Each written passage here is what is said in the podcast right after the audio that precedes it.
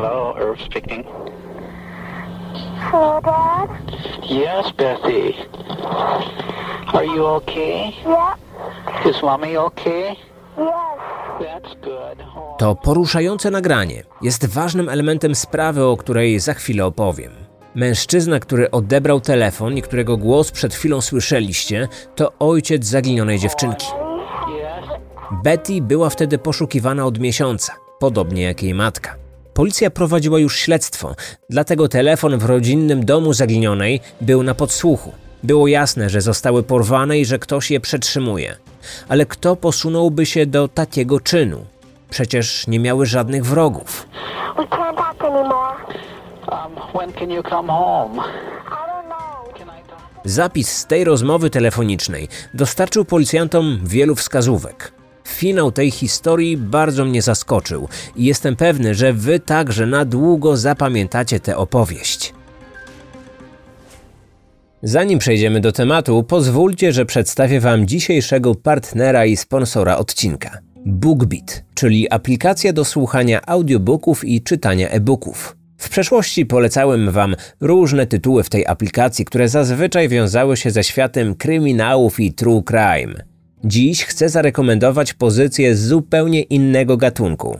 Jestem pewny, że są tutaj pasjonaci sportu, których zainteresuje audiobook o tytule Open autobiografia tenisisty. To opowieść o życiu i karierze Andrea Agassiego, który na przełomie wieków święcił wielkie triumfy. Z książki dowiemy się, ile trudu włożył w osiągnięcie sukcesu i jaką poniósł za to cenę. Bestseller, o którym mówiły media na całym świecie. Agassi zdradził wiele pikantnych tajemnic ze swojego prywatnego i tenisowego życia. Wy także możecie poznać te szczegóły słuchając lektury na BookBeat. Mnie książka wciągnęła i zapewne duża w tym rola znakomitego lektora, Rocha Siemianowskiego. Uwielbiam ten głos. Nie tak dawno mogliśmy ekscytować się wielkim szlemem US Open. Agassi wygrał ten turniej dwukrotnie.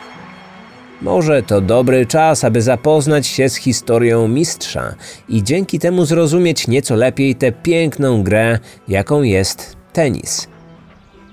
Dla nowych użytkowników mam kod promocyjny. Rejestrując się na BookBeat z hasłem Kryminatorium, dostaniecie dostęp do aplikacji na 30 dni za darmo, pozwalający na odsłuch 20 godzin audiobooków. Informacje związane z rejestracją na BookBeat zamieszczam w opisie odcinka.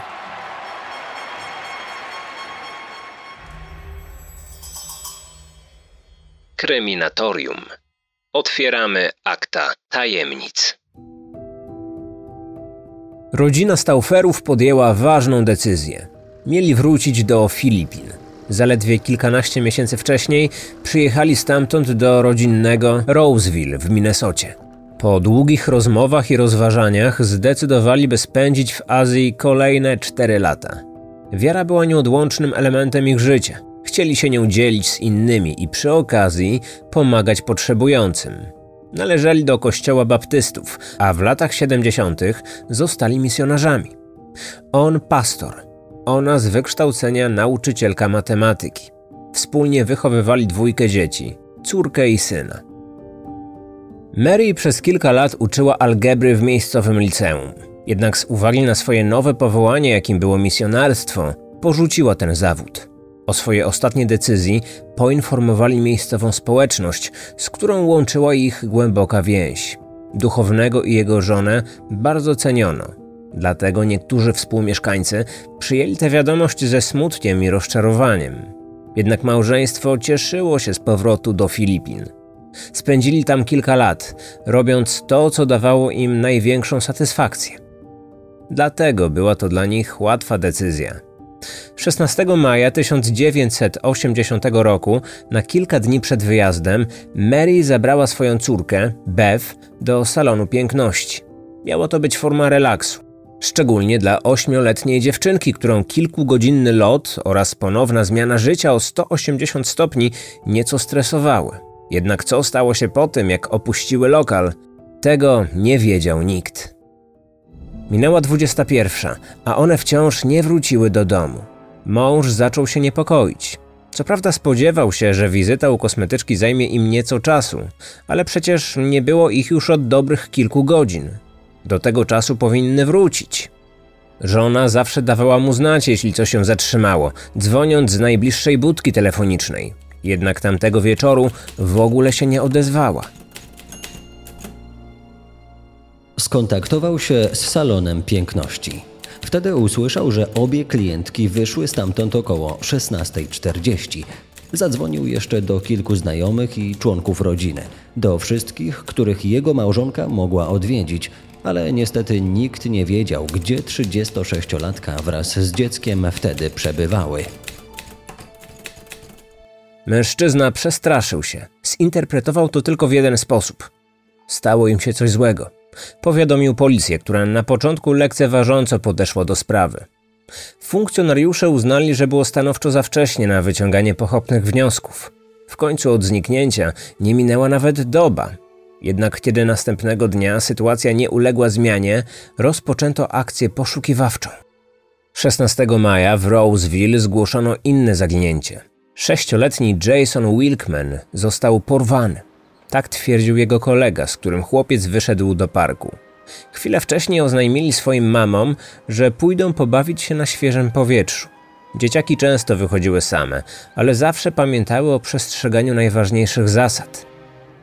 Wiedziały, że nie mogą oddalać się zbyt daleko od domu i nie wolno im rozmawiać z obcymi. Jednak tamtego dnia ich uwagę przykuł pojazd, który zatrzymał się w pobliżu parku. Ciemnowłosy kierowca wysiadł z niego i podszedł do bagażnika. Otworzył go. Jason chciał wiedzieć, co takiego znajduje się w środku. Jego kolega z wielkim zaciekawieniem oglądał przód samochodu, a on poszedł obejrzeć jego tył. Wtedy drugi chłopiec usłyszał pisk swojego kolegi. Podszedł na tyle blisko, że zauważył, jak sześciolatek został wciągnięty do środka. Wtedy przestraszył się i zaczął uciekać. Nie wiadomo, czy porywacz próbował go dogonić. Nawet jeśli tak było, dziecko szczęśliwie nie podzieliło losu kolegi. Opowiedział o wszystkim matce swojego kolegi. Kobieta natychmiast powiadomiła policję, która od razu rozpoczęła poszukiwania. Chłopiec nie mógł przypomnieć sobie wielu ważnych szczegółów. Był przerażony. W dodatku twierdził, że wszystko wydarzyło się zbyt szybko. Policja nie poznała ani rysopisu porywacza, ani opisu pojazdu. Dlatego funkcjonariusze zmuszeni byli działać niejako po omacku. Dokładnie przeczesano wszystkie pobliskie drogi i autostrady. Niestety, zakrojona na szeroką skalę akcja poszukiwawcza nie przyniosła żadnego efektu. Jako, że istniało duże prawdopodobieństwo, że porywacz zdążył już opuścić stan, o pomoc poproszono FBI. Jednego dnia w jednej miejscowości zniknęły trzy osoby. Trudno było uznać to za zbieg okoliczności. FBI uważało, że sprawy powinny zostać połączone. Nie mieliśmy wątpliwości, że porywacz chłopca odpowiedzialny był również za zniknięcie 36-letniej kobiety oraz jej córki.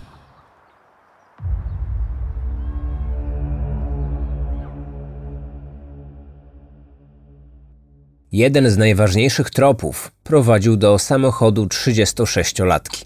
Nie odnaleziono go na parkingu przed salonem piękności, a to mogło oznaczać, że ktoś musiał nim odjechać. Tylko kto? Kobieta z dzieckiem czy porywacz?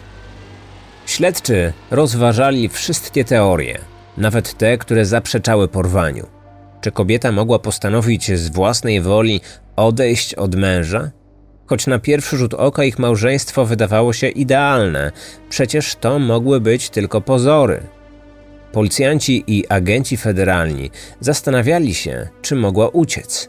To mogłoby tłumaczyć, dlaczego wraz z nią zniknęła jej córka. Ale czemu wtedy pozostawiła syna z mężem?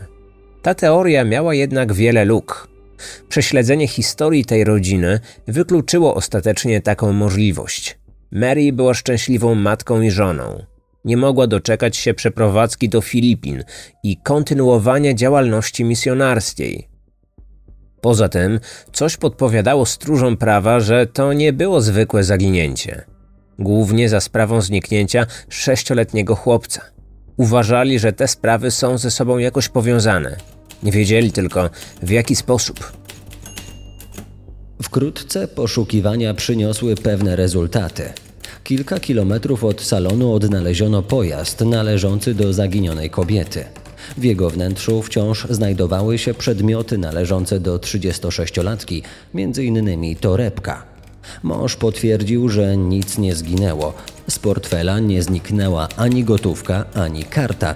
Dowód tożsamości oraz inne ważne dokumenty również znajdowały się na swoim miejscu. To raczej wykluczyło motyw rabunkowy. Zresztą, choć mijały dni, to do żadnej z rodzin nie zgłosił się nikt z żądaniem okupu. Policja i FBI brały pod uwagę, że mogło w tych zaginięciach chodzić o coś osobistego. Z drugiej strony, wydawało się to sprzeczne. W końcu Mary i Beth nie miały nic wspólnego z Jasonem. Obie rodziny mieszkały co prawda w tym samym mieście, ale nigdy wcześniej się nie poznały. Zatem w jaki sposób mogły zajść za skórę temu samemu porywaczowi? Pojawiło się wiele pytań. Zbyt wiele jak na tak skąpy materiał dowodowy, który do tej pory zgromadzono. Rodziny zaginionych odchodziły od zmysłów. Obawiano się, że te zaginięcia nie doczekają się rozwiązania, że akta tych spraw pewnego dnia trafią do pudła, w którym gromadzi się akta śledztw nierozwiązanych. W Stanach mówi się na taką niewyjaśnioną sprawę cold case, czyli w dosłownym tłumaczeniu zimna sprawa. Zimna, ponieważ minęło już trochę czasu. Rozgrzane początkowo emocje oraz zainteresowanie ze strony społeczeństwa zdążyły już dawno ostygnąć. Odnaleziono wszystkie dostępne dowody i wykorzystano wszelkie metody wykrywania przestępstw. Bez żadnego rezultatu. Wystarczy upływ roku, by sklasyfikować przestępstwo w ten sposób. Wydawać by się mogło, że przecież nie minęło jeszcze tak wiele czasu i że jeszcze nie wszystko stracone. W rzeczywistości, po tak długim okresie, trudno jest wykryć sprawcę czy choćby odnaleźć zwłoki. Na szczęście zdarzają się wyjątki, a niektóre sprawy rozwiązane są po upływie kilku, kilkunastu, a nawet kilkudziesięciu lat. Dlatego zarówno śledczy, jak i rodziny ofiar nigdy nie tracą nadziei.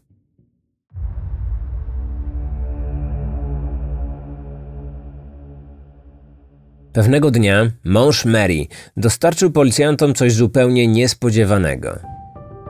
Mężczyzna otrzymał list od swojej żony. Kobieta napisała w nim, że nikt jej nie porwał. Jednocześnie oświadczyła, że wraz z córką odeszła i nigdy nie wróci. Nie podała jednak powodu swojej decyzji. Nie tłumaczyła się, ale stanowczo podkreśliła, że on musi to zaakceptować. Nie wiadomo nic o szczegółach tej korespondencji. Nie podano do publicznej wiadomości, czy na kopercie były dane adresata i odbiorcy lub stempel pocztowy. Czy wysłano go pocztą, czy może ktoś wrzucił do skrzynki obok domu. Specjalista zbadał ten list. Choć mężowi wydawało się, że na pewno napisała go Mary. Czy mężczyzna mógł się pomylić? Zawsze istniało prawdopodobieństwo, że ktoś sfałszował jej charakter pisma. Ekspert twierdził, że autorką była bez wątpienia poszukiwana kobieta. Mąż kobiety uparcie powtarzał, że ktoś musiał ją zmusić do napisania tej wiadomości. Śledczy przeczuwali, że był to wyłącznie lament zrozpaczonego mężczyzny. Śledztwo wykazało w końcu, że Mary nie miała powodu, by uciec. Kochała swoją rodzinę ponad wszystko. A nawet jeśli z jakiegoś powodu postanowiłaby opuścić swojego męża, raczej zachowywałaby się zupełnie inaczej. Przecież nie zostawiłaby syna. Jakiś czas później odebrano kolejny list. Tym razem Mary żądała, by przestano jej szukać. Znowu sprawdzono pismo i potwierdzono, że to ona była autorką tych słów. Funkcjonariusze sami nie wiedzieli, co o tym sądzić. Od początku wszystko wskazywało na porwanie. W dodatku to powiązanie ze zniknięciem sześcioletniego chłopca. Dlatego listy od samego początku wydawały im się podejrzane. Nie mieli jednak żadnych podstaw, by twierdzić, że coś z nimi było nie tak. W dalszym ciągu prowadzono poszukiwania. Przełom nastąpił miesiąc po zaginięciu. 15 czerwca 1980 roku w Stanach Zjednoczonych obchodzono Dzień Ojca. Pan Stauffer odebrał niespodziewane połączenie.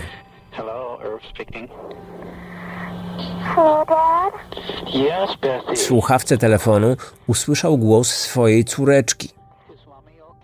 Jego telefon domowy od samego początku był przez nas podsłuchiwany, więc udało nam się zarejestrować tę rozmowę. Dziewczynka złożyła tacie życzenia z okazji jego święta. Wtedy zapytał ją, czy z jej mamą wszystko jest w porządku. Otrzymał twierdzącą odpowiedź. Po chwili Bev powiedziała, że muszą już zakończyć rozmowę. Ojciec zdążył jeszcze zadać następne pytanie: kiedy wrócą do domu? Odpowiedziała, że nie wie. Um. Wtedy mężczyzna poprosił o możliwość rozmowy z porywaczem. Pewnie pomyślał, że w ten sposób coś wskóra.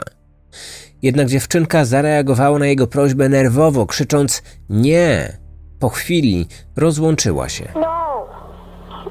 Okay, you call again. Okay. Bye. Bye bye, sweetie. Zarejestrowanie tego połączenia nie przyniosło nowych informacji. Nie zidentyfikowano ani adresu, ani numeru, z którego dzwoniono. Dziewczynka źle zareagowała na wzmiankę o potencjalnym porywaczu. Zdaniem policji mogło to świadczyć, że wraz z matką faktycznie były przetrzymywane. Jednak śledztwo znowu stanęło w martwym punkcie. Beth już więcej nie zadzwoniła. Mary nie wysłała listu, a Jason od początku nie dawał żadnego znaku życia.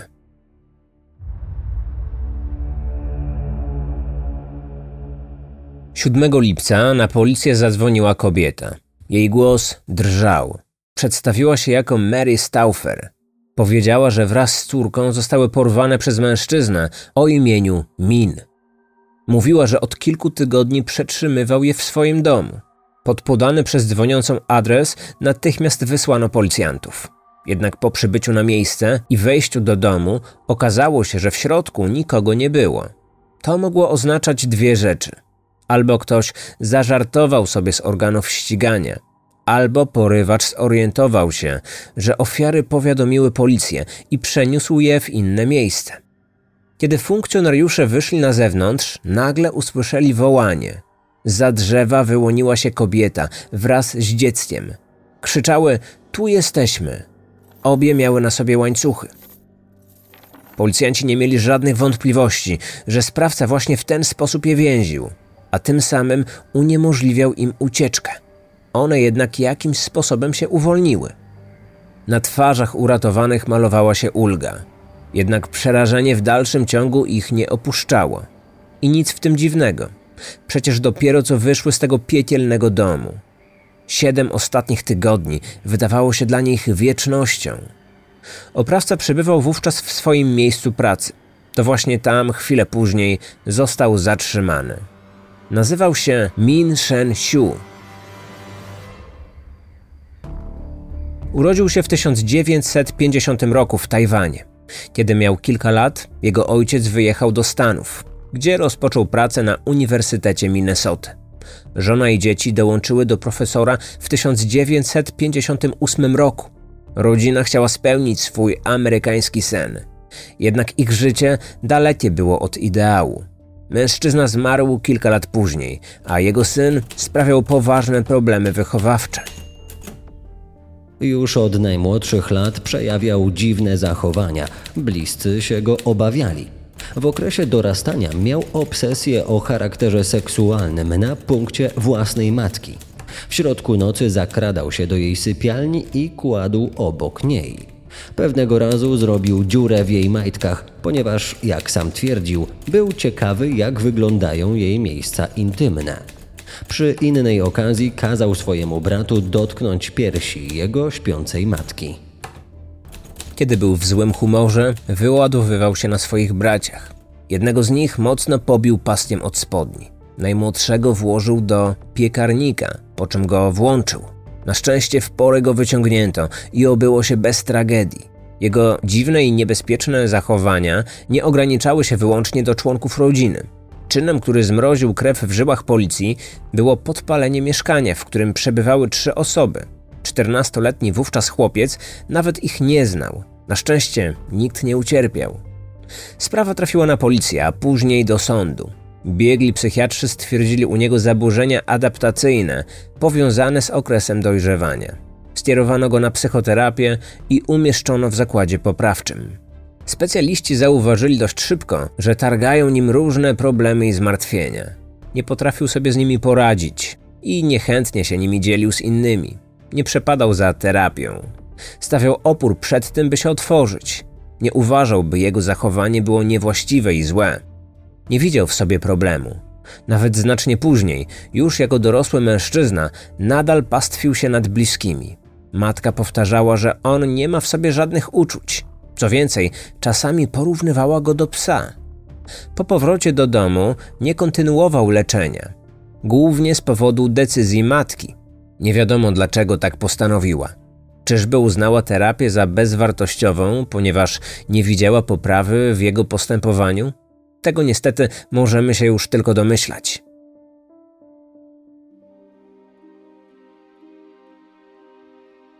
W 1965 roku Min zaczął uczęszczać do liceum w Roseville, tego samego, w którym uczyła Mary. Była jego nauczycielką. 21-letnia wówczas kobieta wzbudziła jego zainteresowanie. Uważał ją za atrakcyjną, fantazjował o niej. Wśród nastolatków zdarza się, że ich uczucia wędrują w stronę starszych osób, które postrzegają jako swoje autorytety. Dlatego ich obiektami westchnień bywają czasami nauczyciele. W jego przypadku nie miało to niewinnego wydźwięku. Z czasem jego myśli skręciły w niebezpiecznym kierunku. Wyobrażenia o związku z nauczycielką stały się agresywne i przepełnione przemocą. W jego fantazjach ona należała tylko do niego, a on ją krzywdził. Niektóre z tych fantazji spisywał na papierze. Nawet po skończeniu szkoły nie mógł o niej zapomnieć. Nauczycielka algebry stała się jego obsesją.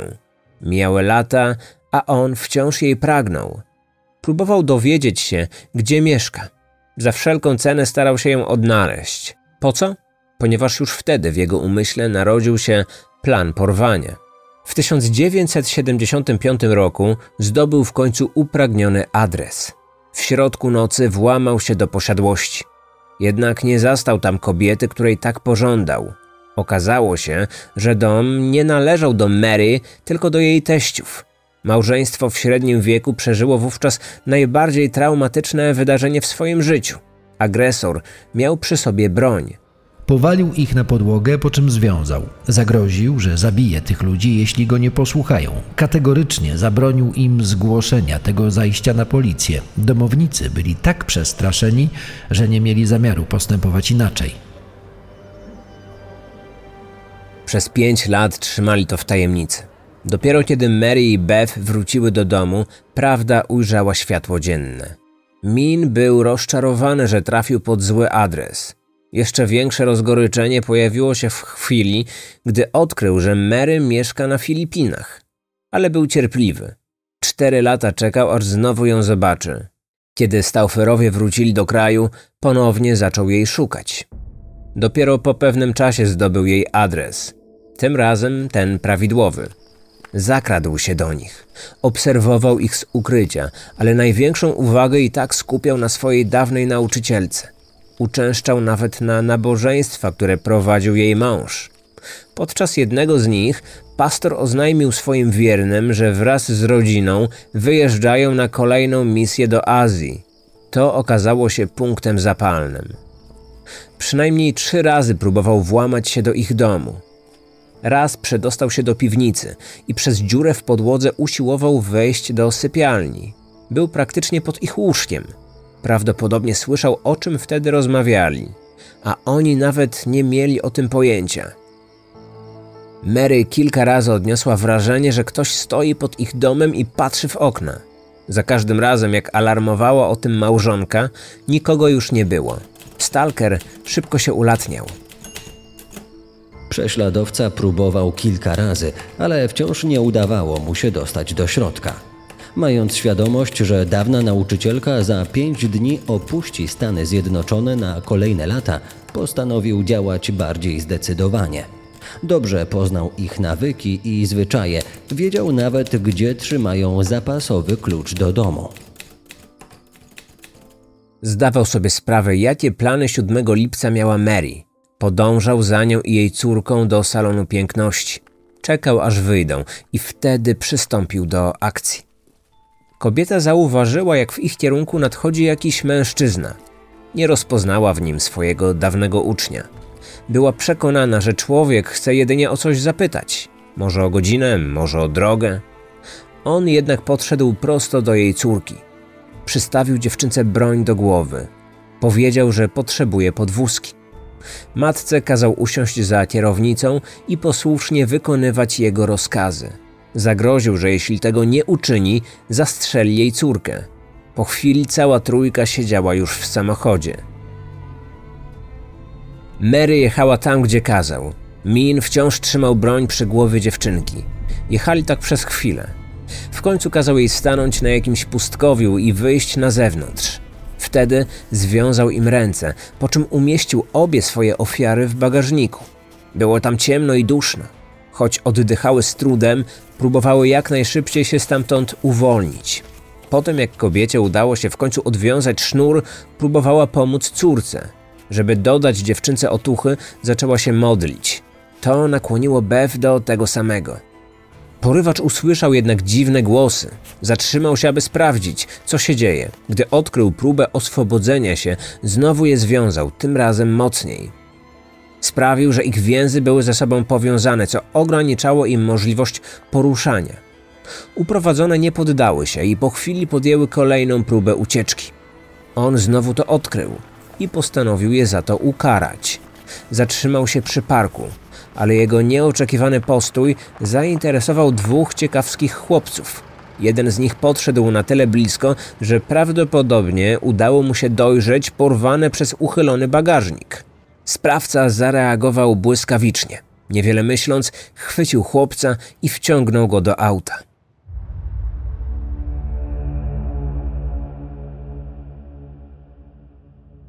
W bagażniku panowały ciemności. Poza tym porwane nie mogły za bardzo się ruszyć, więc nie widziały leżącego obok nich chłopca. Natomiast słyszały jego głos. Jason, takim się przedstawił. Jason Wilkman powiedział, że ma 6 lat, że wyszedł na podwórko pobawić się z kolegą, że zobaczył mężczyznę, który zatrzymał się niedaleko parku i że był ciekawy, co takiego trzymał w swoim aucie. Mary zaczęła go pocieszać. Chłopczyk bał się i szlochał. Powtarzał, że chce do domu. Następnego dnia miał odwiedzić dziadków i nie chciałby przegapić tej wizyty. Nagle auto ponownie się zatrzymało. Porywacz wyprowadził na zewnątrz Jasona i razem gdzieś odeszli. Wrócił sam. Chłopca już z nim wtedy nie było. Po chwili odjechali. Mary zastanawiała się, co takiego się wydarzyło. Chłopiec był w tym samym wieku co jej syn. W jej głowie pojawiła się wtedy przerażająca myśl, że wyciągnięte z bagażnika dziecko już nie żyje. Gdy ponownie stanęli, okazało się, że dotarli na miejsce. Porywacz zasłonił im oczy, tak żeby nie zorientowały się, gdzie są. Wprowadził je do swojego domu. Miał tam dla nich przygotowane specjalne miejsce. W szafie skuł je łańcuchami. Jeszcze tego samego dnia wrócił do nich. Zabrał kobietę ze sobą. Znaleźli się w pokoju. Kazał jej trzymać ręce nad głową. Posłuchała, a on przypiął łańcuch do szafy. Wciąż miała zakryte oczy. Nic nie widziała. Polegała głównie na swoim słuchu, a oprawca praktycznie nie przestawał mówić. Trwało to kilka godzin. Ręce strasznie ją bolały. To był jednak początek tortur. Później zgwałcił ją. Wszystko nagrywał. Nie uwolnił jej rąk, nie odsłonił oczu, choć o to błagała. W ciągu siedmiu tygodni regularnie ją krzywdził. Wszystko nagrywał. Zabezpieczyliśmy kasety stanowiące dowód, łącznie 10 godzin nagrań. Starał się odtwarzać swoje mroczne fantazje. Wiązał ją liną, w szczególności za kostki i szyję. W tym czasie jej córka siedziała sama w szafie. Słyszała przeraźliwe krzyki matki. Niestety nie mogła jej pomóc. Tylko modlitwa podtrzymywała ich na duchu. Liczyły, że Bóg sprawi, że wydarzy się cud i uda im się uwolnić. Min zorientował się, że chciałyby uciec. Zagroził, że jeśli zrobią coś głupiego, surowo ich za to ukarze. Jeśli córka będzie niegrzeczna, to zrobi jej matce krzywdę. Jeśli matka będzie coś kombinować, córka umrze. Jeśli obydwie będą knuć przeciwko niemu, zabije całą rodzinę. Mężczyzna pracował i praktycznie codziennie wychodził z domu na 8 godzin. Jego ofiary były wtedy najczęściej w szafie, ale niekiedy zamykał Bev w pudełku umieszczonym w bagażniku. Dziewczynka właśnie tego miejsca bała się najbardziej. Z czasem stał się dla nich nieco łagodniejszy, o ile można tak w ogóle o nim powiedzieć. W każdym razie wypuszczał je na chwilę z szafy. Pozwalał jeść z nim posiłki w kuchni czy korzystać z toalety. Mimo to nie zdejmował łańcuchów. Pewnego razu chciał, by Mary go pocałowała. Odmówiła i to go bardzo rozzłościło. Nałożył wtedy na głowę jej córki reklamówkę. Dusił ją przez chwilę. Przestał tylko dlatego, że matka w końcu spełniła jego rozkaz. Na szczęście dziecku nic poważnego się nie stało. Przy innej okazji powiedział, że nie chce skrzywdzić jej fizycznie, a jedynie emocjonalnie. Tak, aby czuła się brudna, upokorzona i zdegradowana. Po chwili jednak chyba zapomniał o tych słowach. Znowu ją zgwałcił i zostawił ślady przemocy na jej ciele. Na samym początku nie podał swojego nazwiska, choć przyznał, że był kiedyś jej uczniem. W końcu ujawnił tożsamość. Mary powiedziała mu wtedy, że chyba musiał otrzymać od niej ocenę niedostateczną. Potwierdził. Dodał, że przez to nie dostał się na studia, co ostatecznie zniszczyło mu życie. Z powodu zakończonej przedwcześnie edukacji musiał wstąpić do armii. Wysłano go do Wietnamu, gdzie toczyła się krwawa wojna. Tam doświadczył strasznych rzeczy. Najgorszą z nich było zostanie jeńcem wojennym. O to, co go spotkało, obwiniał swoją byłą nauczycielkę. Ale ona nawet nie pamiętała go zbyt dobrze. Jednak po pewnym czasie niektóre z jej wspomnień ożyły. Niezbyt wyraźnie, ale w końcu skojarzyła sobie tego ambitnego i zdolnego ucznia. Przypomniała sobie nawet, jaką tak naprawdę ocenę wystawiła mu na koniec szkoły. B, czyli odpowiednik naszej polskiej czwórki. Zasłużył na nią, bo jako nastolatek faktycznie przykładał się do nauki. Uzyskał dobre i bardzo dobre stopnie. Zaangażował się również w wiele aktywności pozalekcyjnych. Lubił sport, grał w baseball, futbol, koszykówkę. Trenował także kilka innych dyscyplin. Bez problemu dostał się na studia, później założył własny biznes, który przynosił mu dość spore dochody. Nigdy nie wstąpił do armii, a co za tym idzie, nie brał udziału w żadnej wojnie. Nigdy nie dogadywał się za bardzo ze swoimi rówieśnikami, nie miał przyjaciół i tak naprawdę uważano go za dziwaka. To, co powiedział Mary, było kłamstwem i manipulacją.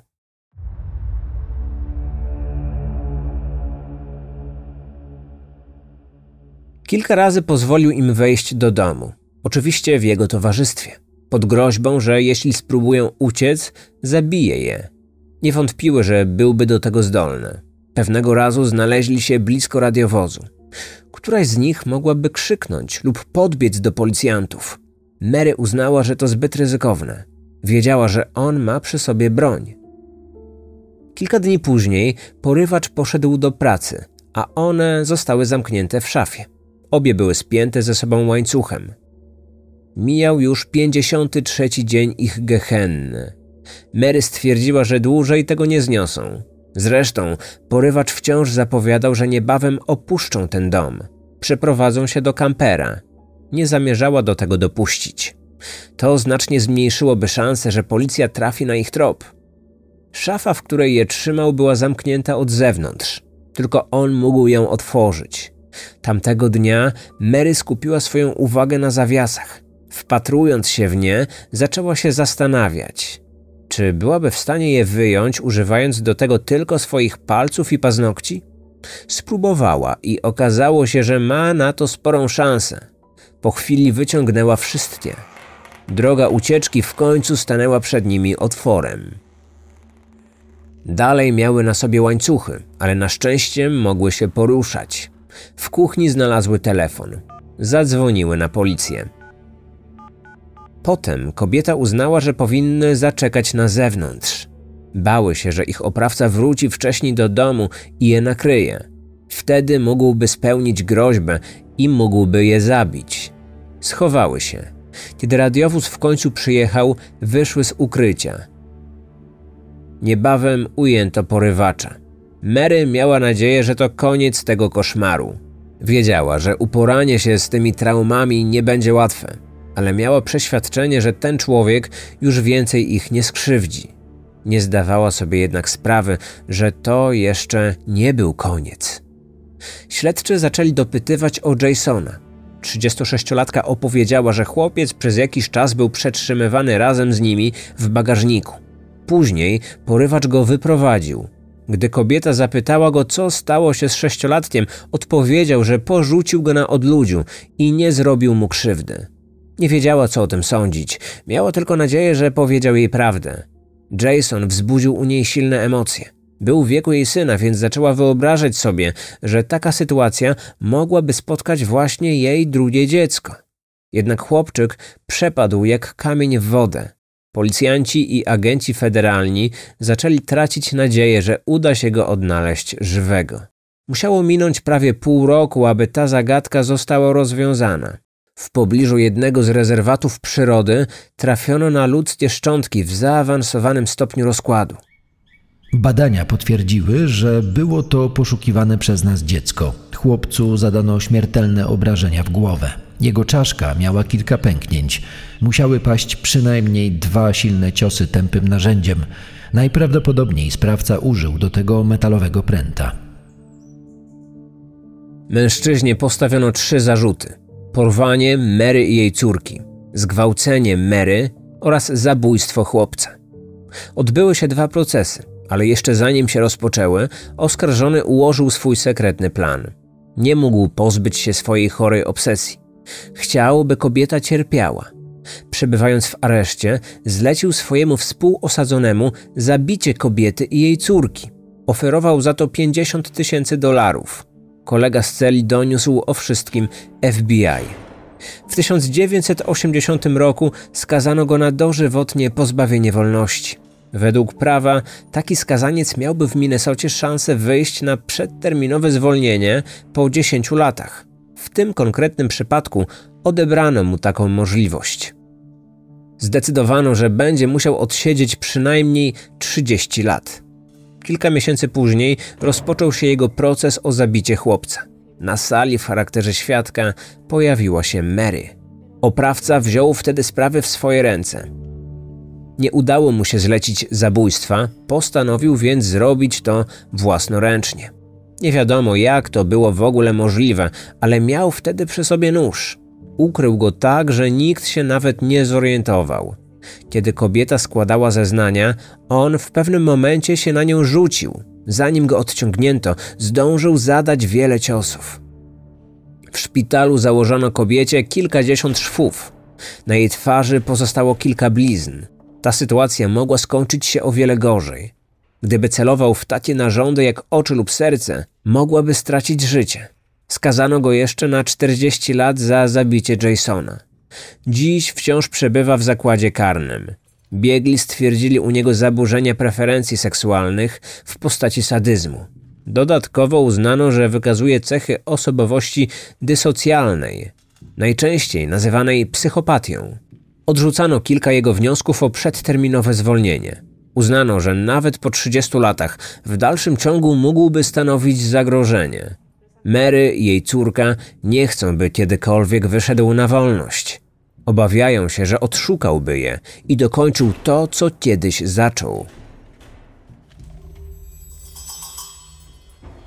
Źródła wykorzystane do powstania odcinka. Dziewiąty odcinek drugiego sezonu serialu Your Worst Nightmare z 2016 roku. Ustalenia stanu faktycznego Sądu Hrabstwa Anoka z 29 września 2010 roku. Artykuły takich dziennikarzy jak Donna Hunter czy Emily Just, opublikowane m.in. na Inside Edition i ABC News.